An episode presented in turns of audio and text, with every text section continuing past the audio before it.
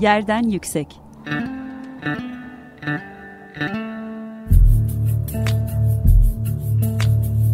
Kentin kent aşırı gündemi.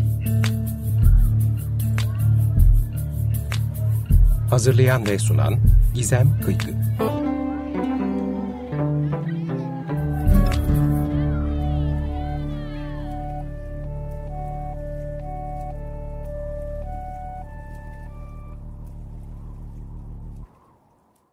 Herkese merhaba. 95 Açık Radyo burası. Yerden Yüksek programını dinliyorsunuz. Ben Gizem Kıygı. Kent aşırı sohbetler gerçekleştirdiğimiz Yerden Yüksek'te kentlerde yaşanan eşitsizlikleri, toplumsal adaletin mekansal tezahürlerini, dönüşen dünyada değişen kentsel alışkanlıklarımızı ve çok daha fazlasını konuşuyoruz. Bugünkü programımızda hafriyat ve kentleşme ilişkisini masaya yatıracağız. Hafriyat mekan üretiminin kıyısında bir faaliyet mi? Hafriyatın çevresel, sektörel ve yönetsel ilişkileri gün, güncel kentleşme dinamiklerinde bize ne anlatıyor? Bunları biraz değerlendirmeye çalışacağız. E, son araştırmacı çerçevesi, son araştırması çerçevesinden Mekanda Adalet Derneği'nden e, Deniz Öztürk'ün Deniz Öztürk kendisini bir şehir plancısı e, olarak tanımlıyor. Aynı zamanda benim de e, hem üniversiteden arkadaşım hem de çok sevdiğim bir me meslektaşım. Sana hemen sözü vereyim Deniz. Biraz bu hafriyata girmeden önce şehir filancısı e, tanımını birazcık e, açmanı isteyeceğim. Çünkü e, burada hem e, biraz eleştirel bir e, tını da var hem de aslında senin pratiğine dair de bir şey bu. E, sözü sana bırakayım. Teşekkür ederim Gizem. Ee, beni ağırladığın için bu programda öncelikle. Ee, şehir filancısı biraz şeyle geldi galiba. Ee, yani şu anda Mekanda Adalet Derneği'nde çalışıyorum. Aslında bir sivil toplum kuruluşunda çalışıyorum şehir plancısı olarak. Ee, bir şehir planlama firmasında çalışmıyorum. Planlama misyonunu üstlenmiş değilim. Yani bildiğimiz anlamda, bizim lisansını, eğitimini aldığımız anlamda bir planlama misyonunu üstlenmiş değilim. Ama e, yani o tabii ki bir formasyon ve bir e, bakış açısı getiriyor insana ve dolayısıyla artık yaşadığımız yerlere, yürüdüğümüz yollara, hatta yürümediğimiz yollara da e, o gözle bakmaktan kendimi alamıyorum. O yüzden yani tam bir plancıyım diyemem ama e, yani şehirle ilişkili herhangi şeyleri e, yapmaya çalıştığım için her, herhangi bir şeye dair fikir yürütmekten de kendimi alamadığım için şehir filancısı tabiri benim için böyle şakayla başlayıp sonradan bu oldu aslında evet ben şeh şehir filancısıyım dediğim bir şey haline geldi. E, şeyde de çevirisinde de urban flanöz diye e, kullanıyorsun e, bu e, şeyi. E, bu önemli. Biraz buradan açmak istedim ben de. Çünkü e, gerçekten hani e, mekan üretiminin ya da şehir plancılığının yalnızca e, somut plan üretimi, plan imza süreçlerinin e, içerisinden çıktığı e, yazın süreçlerinin, veri üretim süreçlerinin de aslında mekan üretiminin çok güçlü bir parçası olduğu fikri e, bir e, ekol olarak hani son dönem şehircilik pratiğinin içerisine yerleşiyor. Bunu da böyle e, meslek tanımını dönüştüren e, bir tabirle kullandığın için bunu ayrıca e, açmak istedim.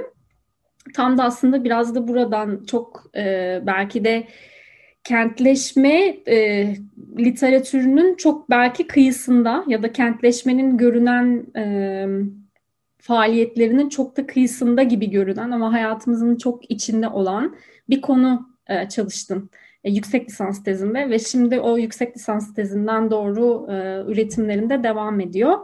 E, bu yüksek lisans tezinde de hafriyatı konu almıştım. Biraz böyle bu konunun içeriğini, çalışma bağlamını ve e, ortaya çıkış motivasyonundan biraz bahseder misin bize? Bahsedeyim tabii ki de.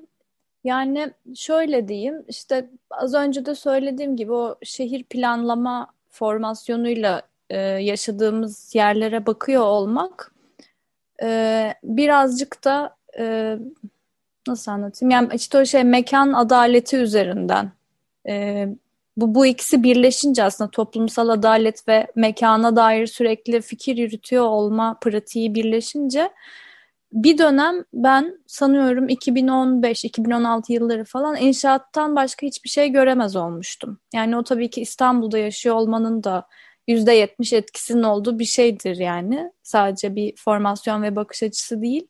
İstanbul'un gerçeği bu bu idi. Ee, çok uzun ya 10 yıl boyunca. Şimdi şe- şehir merkezinde tek tük azalmaya başladığını söyleyebiliyoruz. Artık işte İstanbul'un kuzeyine doğru e, bu faaliyetlerin daha çok arttığını söyleyebiliyoruz ama işte o yıllarda diyeyim yani böyle her gün sokağa adım atıyorum bir inşaatla karşılaşıyorum ve e, artık böyle şey yani her türlü canlının yaşam hakkına e, yaşam hakkını ihlal edecek koşullarda inşaatlarla karşılaşmaya başlıyorduk bir noktada. E, o dönem benim çok ya böyle takıntı haline getirmiştim. Yani bu, bu ne kadar süre böyle devam edecek? Yani inşaatta çalışanların e, yaşa, yaşadıkları yani iş cinayetleri bir başka meselesi bunun. İşte ekolojik tahribat bir başka boyutu. E, sadece sokakta yürüyen, inşaatla hiçbir ilgisi olmayan kişinin hayatını kaybetmesine yol açacak kadar böyle yaşam alanımızı e, işgal etmiş bu bu şey e, pratik daha ne kadar devam edecek? Neden böyle? Yani başka türlüsü olamaz mı? Okey dönüşüm oluyor. Tamam buna buna yapacak bir şey yok belki. Olması gerekiyor. Ama böyle mi olmak zorunda sorularıyla birlikte e, inşaatları takip etmeye başlamıştım. Her bulduğum inşaatı şey yapıyordum, konumuyla birlikte fotoğraflayıp işte böyle bir Google Maps üzerinde harita tutuyordum. Kendi kendime yapıyordum bunu hala o şey var sanırım site var ama bir, bir dönem Google fotoğraflar bir, bir politika şeyini değiştirdi ve bir sürü e, o, o harita üzerindeki benim görselim kayboldu. Onun üzerine ben de yani binlerce görsel kayboldu. Ben de şeyi bıraktım. Böyle pıt pıt işte sürekli işaretleyeyim, fotoğraflayayım pratiğini bıraktım. O zaten bunu sürekli her gün her gün yapınca başka bir şeye doğru dönüşmeye başlamıştı. Ee, işte o biraz inşaatların niteliği, işte türü, hani kapalı mı, değil mi, önlem alıyor mu gibi böyle şeyleri görmeye başlamıştım bir noktadan sonra. E, Mekanda Adalet'te de bununla ilgili bir inşaat suçları diye bir şey başlattık. Bir hesap Twitter üzerinden aslında bir kampanya olmasını e, arzuladık. Hala da devam eden bir şey aslında. Bitmiş değil ama e, belki birazcık şeyini sorgulaya, sorguladım yani ben bir dönem. E, ne kadar işe yarıyor, ne kadar efektif, ne kadar e, ses getiren bir şey olduğu kısmını sorguladığım bir dönem oldu. Çünkü çok naif kalıyordu Twitter üzerinden inşaat suçlarını belgelemek ve sorumlulara iletmek. O yüzden daha büyük bir şey yapılmalı falan. Yani sürekli böyle aslında bir şey, bir e, süreç içerisinde ne yapılmalı, nasıl olmalı, önce şunu mu yapmalı derken böyle membağına mı insek falana doğru gitti. Sonra e, yani biraz işte şeyi görmeye başladım. Yani inşaat suçları çok çeşitli. İşte kaldırıma hafriyat toprağı bırakılıyor, inşaat demiri bırakılıyor yolları işgal ediyorlar. Ya işte kaldırımları işgal ediyorlar falan o inşaatlar şeylere mevzuat uymayan inşaatlar. En sonunda o, bu çok çeşitli e, usulsüz uygulamaların bir tanesinin olan hafriyata şey yaptım, takıldım.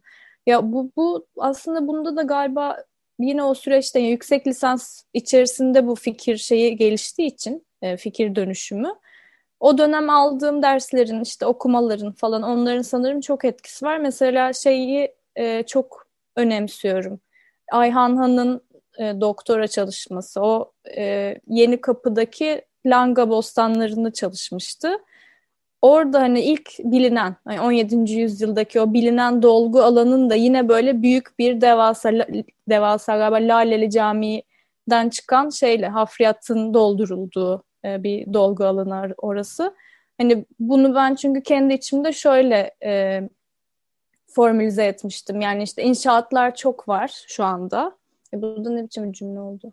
Babam bana inşaat aldığı gibi cümle oldu. E, etrafımızda çok fazla inşaat var ve işte çok fazla hafriyat çıkıyor. Dolayısıyla bu hafriyat ve dolgu birbiriyle paralel işleyen veya işte hafriyatın kontrol edilmesi zorlaşıyor. Usulsüz dökümler yapılıyor. Bunlar böyle birbiriyle paralel işleyen şeyler diye düşünmüştüm ve hani bizim çağımıza uygun, bizim dönemimize e, özgü bir şey gibiydi kafamda. Fakat Ayhan Han'ın çalışmasıyla yani ta 17. yüzyılda hatta daha öncesi de var aslında yani tarihte. Bu tip şeyleri de görünce dedim ki demek ki bu sadece e, bizim hani böyle şeyle okuyabileceğimiz bir şey değil. Bugüne özgü e, bakış açısıyla okuyabileceğimiz bir şey değil. Burada daha yapısal başka bir durum var. İşte nedir o diye böyle bir e, yola çıktım ve yüksek lisans tezi de bu şekilde ortaya çıktı. Ama gerçekten yani buzdağının e, görünen kısmının bile yüzde bilmem ikisi üçü diyebilirim yani kendi çalışmam için. Çünkü çok e, kapsamlı bir konu ve çok daha çalışılması e, gerekiyor, çalışılmaya devam edilmesi gerekiyor diyeyim. Evet çünkü çok boyutlu bir anda. Yani hem yani bir tarafından bakarsan aslında hafriyat denen şeyin içeriğine dair belki kategorik bir tartışma var. Bunun e, çevreyle bağlantısı var. Yani e, bir de hani hafriyatın boyutu gerçekten e, topografya değiştiriyor. E, kentin çehresini değiştiriyor. Yani hani coğrafyayı değiştiriyor. Somut e, en böyle hani noktasal anlamda. İşte o yeni kapı mesela e, meydanı olarak bilinen şey. Yani tarihi yarımadanın hani kaç yıllık hani topografyasına, çizgisine çok ciddi bir müdahale ve o oraya yerleşti yani artık. Ee, böyle bir tarafı var bir taraftan. Bir taraftan hafriyatın ortaya çıktığı e, noktada işte or, e, havaya dağılan partiküller dolayısıyla vesaire bir halk sağlığı tarafı var. E, bir de e, gerçekten yani hani bir e, atık olarak hani inşaat atığı olarak yani bir hafriyatın yönetiminin e, kurumlar arası e, bir çakışması ve çekişmesi var. E, sen hani biraz böyle buralardan ne, nasıl bir e, okunaksızlıkla karşılaştın? Çünkü okunaksız da aslında yani bu verisi tutulan vesairesi olan bir şey değil bildiğim kadarıyla. Tezimi benden daha güzel özetledin Gizem. Teşekkür ederim. ya okuması zor bir alan. Ee, işte çünkü o verisizlik en başta zaten karşımıza çıkan engel oluyor. Ee, yani şöyle sayısal veri, sayısal veri e- eğer e, ihtiyacımız varsa okuması zor bir alan. Yoksa onun dışında zaten hani bütün resim çok büyük bir şey anlatıyor bir taraftan. Yani hangi e, detayına bakarsan farklı bir şey çıkarabiliyorsun. Farklı bir anlatı, bir okuma çıkarabiliyorsun. Ama sayısal verilere ulaşmanın e, mümkün olmadığı bir şey dönemdi. Aynı zamanda ben tezimi yazdığımda 2019'da mı yazdım? Evet öyle bir şeydi galiba. E, o dönemde özellikle hiç şeffaf değildi. Yani hiçbir veri tutulmuyordu. Bir de işte dediğin gibi e, bir sınıflandırma şeyi de var, e, çıkmazı da var. Yani bu konuda bence hala var. Çünkü yönetmeliğin kendisi de zaten hafriyat atığı, e, pardon hafriyat toprağı ve inşaat atığını birlikte ele alan bir yönetmelik. Hafriyat işlemleri şu anda bu yönetmeliğe e, tabi tutulan işlemler. Yani hafriyat dediğimiz şey e, atık değil. Oradan bir inşaat atığı çıkmıyor. Yani sen o, oradan çıkardığın şey yeniden kullanılan, kullanılabilir toprak yani o nebati toprak dediğimiz kısmı var. İnşaatlar eğer sıfırdan başlayan bir alansa değilse bile yani yıkılıp yapılan bir şeyse bile çıkardığın malzeme hafriyat sonucu çıkardığın malzeme e, işte coğrafyanın bir parçası yani. Toprak değil her zaman. İşte başka türlü işte kaya çıkıyor çakıl çıkıyor vesaire ve bunların her biri zaten kendi içinde farklı işlemlerden geçen şeyler. Bir, bir noktadan çıkan malzeme e, her biri farklı bir yere taşınabiliyor aslında. Yani inşaat atığı gibi değil. İşte şu A noktasını şuradaki inşaattan çıkardım, e, inşaat atığı alanına götürdüm gibi değil hafriyat. Orada işte çakıl çıkıyorsa bu mesela şeylere satılıyor. Taşlar işte çakıl fabrikalarına satılıyor. Belki başka şekilde büyük kayalar çıkıyorsa dolgu malzemesi olarak kullanılabiliyorlar gibi gibi. Yani o çıkan malzemeye göre de e, şeyin yolculuğu ve e, hangi sektörleri besleyeceği değişebiliyor. Ama elimizde tek bir tane yönetmelik var basit ve hepsini bir arada yani bir atık bir çöpmüş gibi ele alıyor. Orada da böyle bir şey var aslında bir e, çıkmaz mı diyeyim çelişki var. Çelişki var çok doğru. E, yani bunun kendi içinde bir sektör olduğunun keşfi bence e, başlı başına bunu yüksek sesle söylemek e, çok değerli bir katkı. Çünkü gerçekten inşaat sektörü denildiğinde genel itibariyle yapı yapma faaliyeti olarak algılanıyor ama bu yapı yapma faaliyetinin içerisinde o malzemenin üretildiği çevresel koşullar da, dahi olmak üzere yani çok daha geniş e, sadece kentleşmenin sınırları içerisinde asla tartışılamayacak e, yani belirli havzalardan, e, coğrafi koşullardan yararlanan bir üretim ilişkiler ağından bahsediyoruz ve bu ağ gerçekten çok e, derin. Peki e, sen tezin kapsamında bir takım yetkililerle de e, görüştün. E, onların e, bakış açısını nasıl yorumluyorsun hafriyata? Yani yönetilmesi de zor bir şey çünkü bir anda bakıldığında. Evet, yani orada çünkü şöyle bir şey oluyor sanırım zor dediğin gibi yönetilmesi. Çünkü e, sürekli izlenmesi yani monitoring kısmının yapılıyor olması lazım. Bu mümkün değil. E, yani şu anki imkanlarla sanırım e, yapılmıyor veya belki bilerek gri bırakılan bir alan da olabilir. Bunu da bilemiyorum.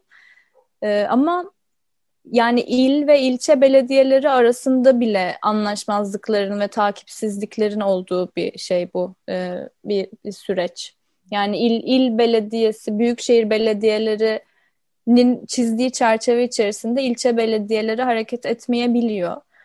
E, o zaman işte bazı şeyler, çelişkiler ortaya çıkıyor veya e, bakanlık ve belli yerel yönetimler arasında anlaşmazlıklar çıkabiliyor. Yani çünkü hafriyat çok büyük bir e, sektör haline geliyor. Çok büyük bir işlem e, hafriyat dediğimiz şey şu an. Mesela İstanbul üzerinde düşünüyorum ben. Hep oradan baktığım için meseleye. Çok fazla hafriyat e, işlemi oluyor. Çok fazla hafriyat malzemesi çıkıyor. Ama e, işte bakanlık projeleri bunu e, öngörerek ilan etmiyorlar şeyleri. Yani bu büyük mega projeler bunları öngörerek ilan edilen şeyler değil. Yani hafriyat yani sanki odadaki fil gibi böyle orada aslında onunla birinin ilgilenmesi lazım. Ama bu herhangi bir şey e, endişe kaynağı olmuyor. E, e, altyapımız yetecek mi? Nereye gidecek bu kadar şey?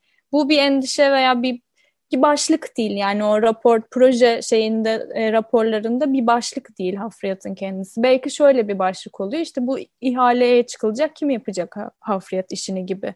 Yani o yine bir gelir e, kaynağı aynı zamanda. E, belediyeler için de gelir kaynağı bu arada hafriyat. E, çünkü hafriyat taşımak için e, belediyelerden belge al- alınması gerekiyor. Her belge için para ödenmesi gerekiyor işte o belge alınması için gereken adımların yerine getirilmesi için de çeşitli paraların veriliyor olması lazım vesaire. Yani böyle her adımını aslında parayla e, yönetmeye çalıştıkları bir şey. E, sektör bu.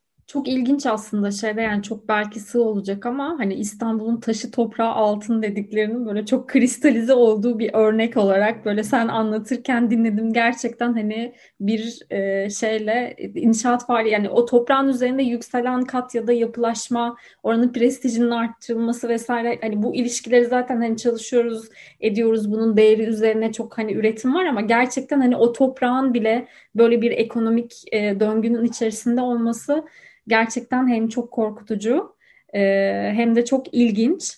E, peki yani şimdi mesela İstanbul'un büyük projelerine baktığında hani bu anlamda mesela bir güncel okuma e, yapabilirsen bir bir yanda mesela Kanal İstanbul gibi çok büyük bir proje yani hani o projenin hani belki Kanal İstanbul hani bir kanal olarak olması bir yarısıysa yüzde elli ise Hani bu bakış açısından yüzde ellisi de onun hafriyatı. Hani hatta belki daha fazlası hafriyatı. O hafriyatın ne olacağı konusu. Bunu nasıl değerlendiriyorsun? Ya Kanal İstanbul örneği benim için heyecan verici bir örnek hafriyat açısından düşündüğümde. Ee, bu arada yani yanlış anlaşılmasın. Yani tabii ki endişe verici bir şey, e, proje her şeyden önce. Fakat yani hafriyat açısından heyecan verici dememin sebebi şu ilk kez bir projeyle hafriyatın ne olacağı e, konuşulmuş oldu. Yani ilk kez bir mega proje ilan edilirken e, onunla birlikte ortaya çıkacak başka mega projeler de e, söz konusu olmuş oldu. Yani çünkü o kadar fazla e, miktarda hafriyat çıkacak ki oradan onu göz ardı etmemiz mümkün değil. Yani onu bir şekilde değerlendirmemiz lazım. Döküm alanlarını taşırız demekle ol, olacak bir şey değil yani bu. Bir de döküm alanlarını zaten nasıl taşıyabiliriz? Yani o günde 10 bin hafriyat kamyonunun doluşacağı söyleniyor mesela Kanal İstanbul projesinde.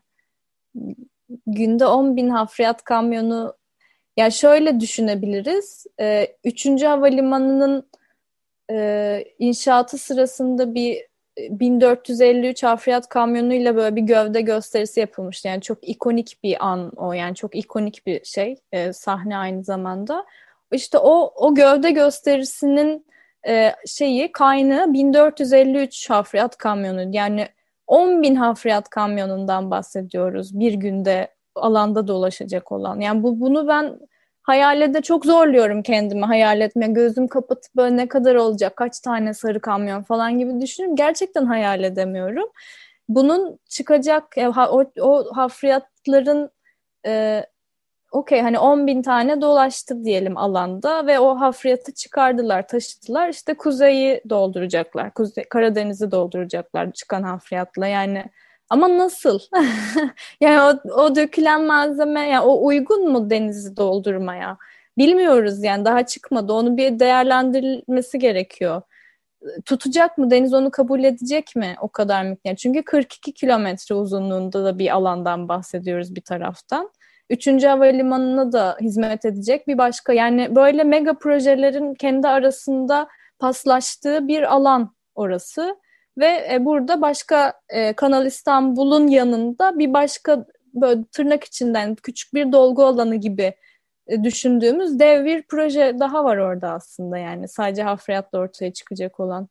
Çok katalizör bir gerçekten dediğin gibi yani bu büyük projeler arasında bir katalizör başka bir ağ yani kendi başına ele alınması gereken başka bir gerçeklik olarak hayatımızın içinde duruyor. 10 bin hafriyat kamyonu e, ya aklıma şu soruyu getirdi. Hani biz hep e, otomobiller için yapılıyor kentler e, üzerine bir şehircilik diskuru geliştiririz. Bu sefer belki de paradigma e, inşaatlar için, inşaat faaliyeti için yapılan kentler, inşaat faaliyeti için yapılan yollar, e, yalnızca arabalar için değil, inşaat araçları, sarı hafriyat kamyonları için kurgulanan kentsel ulaşım planları gibi gerçekten çok boyutlu e, şey var. Programımızın da yavaş yavaş sonuna geliyoruz. Deniz, ben e, eminim din, dinleyicilerimizin çok merak ettiğini, e, çalışmanın geri kalan e, kısımlarını, senin de bu konuda üretimlerin var. Ee, biz nerelerden dinleyebiliriz, nerelerden izleyebiliriz, okuyabiliriz senin çalışmalarını? Hmm, hiç hazırlıklı olmadım soru. Bilmiyorum. Envanterini tutmamışım. Yani tezimi tabii ki YÖK'ten indir, indirebilirsiniz. Ee, bunun dışında sanırım İstanbul Unbound var en güncel. Hala e, yayında olması lazım. Şeyler kaldırılmadı bildiğim kadarıyla. Orada üçüncü oturumdayım. E, kısa bir sunumum var. Can Havli ile sunmaya çalıştığım. E, oradan takip edilebilir. E, Mekan ve İnsan'ın bir bölümünde konuk olmuştum. Geçen yıl Mayıs olmalı. E, oradan takip edilebilir. E, Sezai Ozan Zeybek ve Hilal Alkan'ın bir podcast e, programı, yani podcast serisinin bir programında konuk olmuştuk. E, çıkmacılar ve hafriyatla e, yani ikisini bir arada konuştuğumuz güzel bir şeydi o da programda. E, aklıma gelenler bu kadar. Şimdi... Yayınlarını da herhalde e, şeyden yani bundan sonraki eğer e, süreçte bununla ilgili bir yayın yaparsan Mekanda Adalet Derneği'nin internet e, hesaplarında ve e, sosyal medya hesaplarında duyurulur e, diye tahmin ediyorum. Evet. E, tamam pekala. Çok teşekkür ederim geldiğin için Deniz. Çok zihin açıcı bir çalışma. Ben çok heyecanlanıyorum. E, bu çalışmanın e, konuşuluyor olmasından da yapılmış olmasından da. Bu seninle konuşuyor olmaktan da çok heyecanlanıyorum. E, o yüzden e, yerden yüksekte de e, çok değerli bir katkı oldu. E, böyle son eklemek istediğim bir şey var mı bir iki cümle? Çok teşekkür ederim beni konuk ettiğin için. Ben de böyle farklı perspektiflerle konuşunca daha şey oluyor, e, besliyor yani beni bu tip şeyler, konuşmalar. O yüzden teşekkür ederim tekrardan. Ben teşekkür ederim katkın için, yeniden geldiğin için. Bugünkü programımızda hafriyat ve kentleşme ilişkisini değerlendirdik. Sevgili yerden yüksek dinleyicileri, hafriyatı artık e, inşaat sektörünün kıyısında bir faaliyet alanı olarak değil, belki kentleşme dinamiklerinin ana başlıklarından biri olarak görmenin zamanının geldiğini hatırlatıyor bize. Deniz Öztürk son çalışmalarıyla Yerden Yüksek programını dinlediniz. 15 gün sonra başka bir konuyla yeniden görüşmek üzere. Hoşçakalın. Yerden Yüksek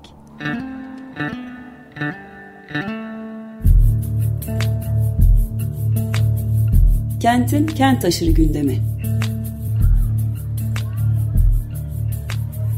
Hazırlayan ve sunan Gizem Kıykı.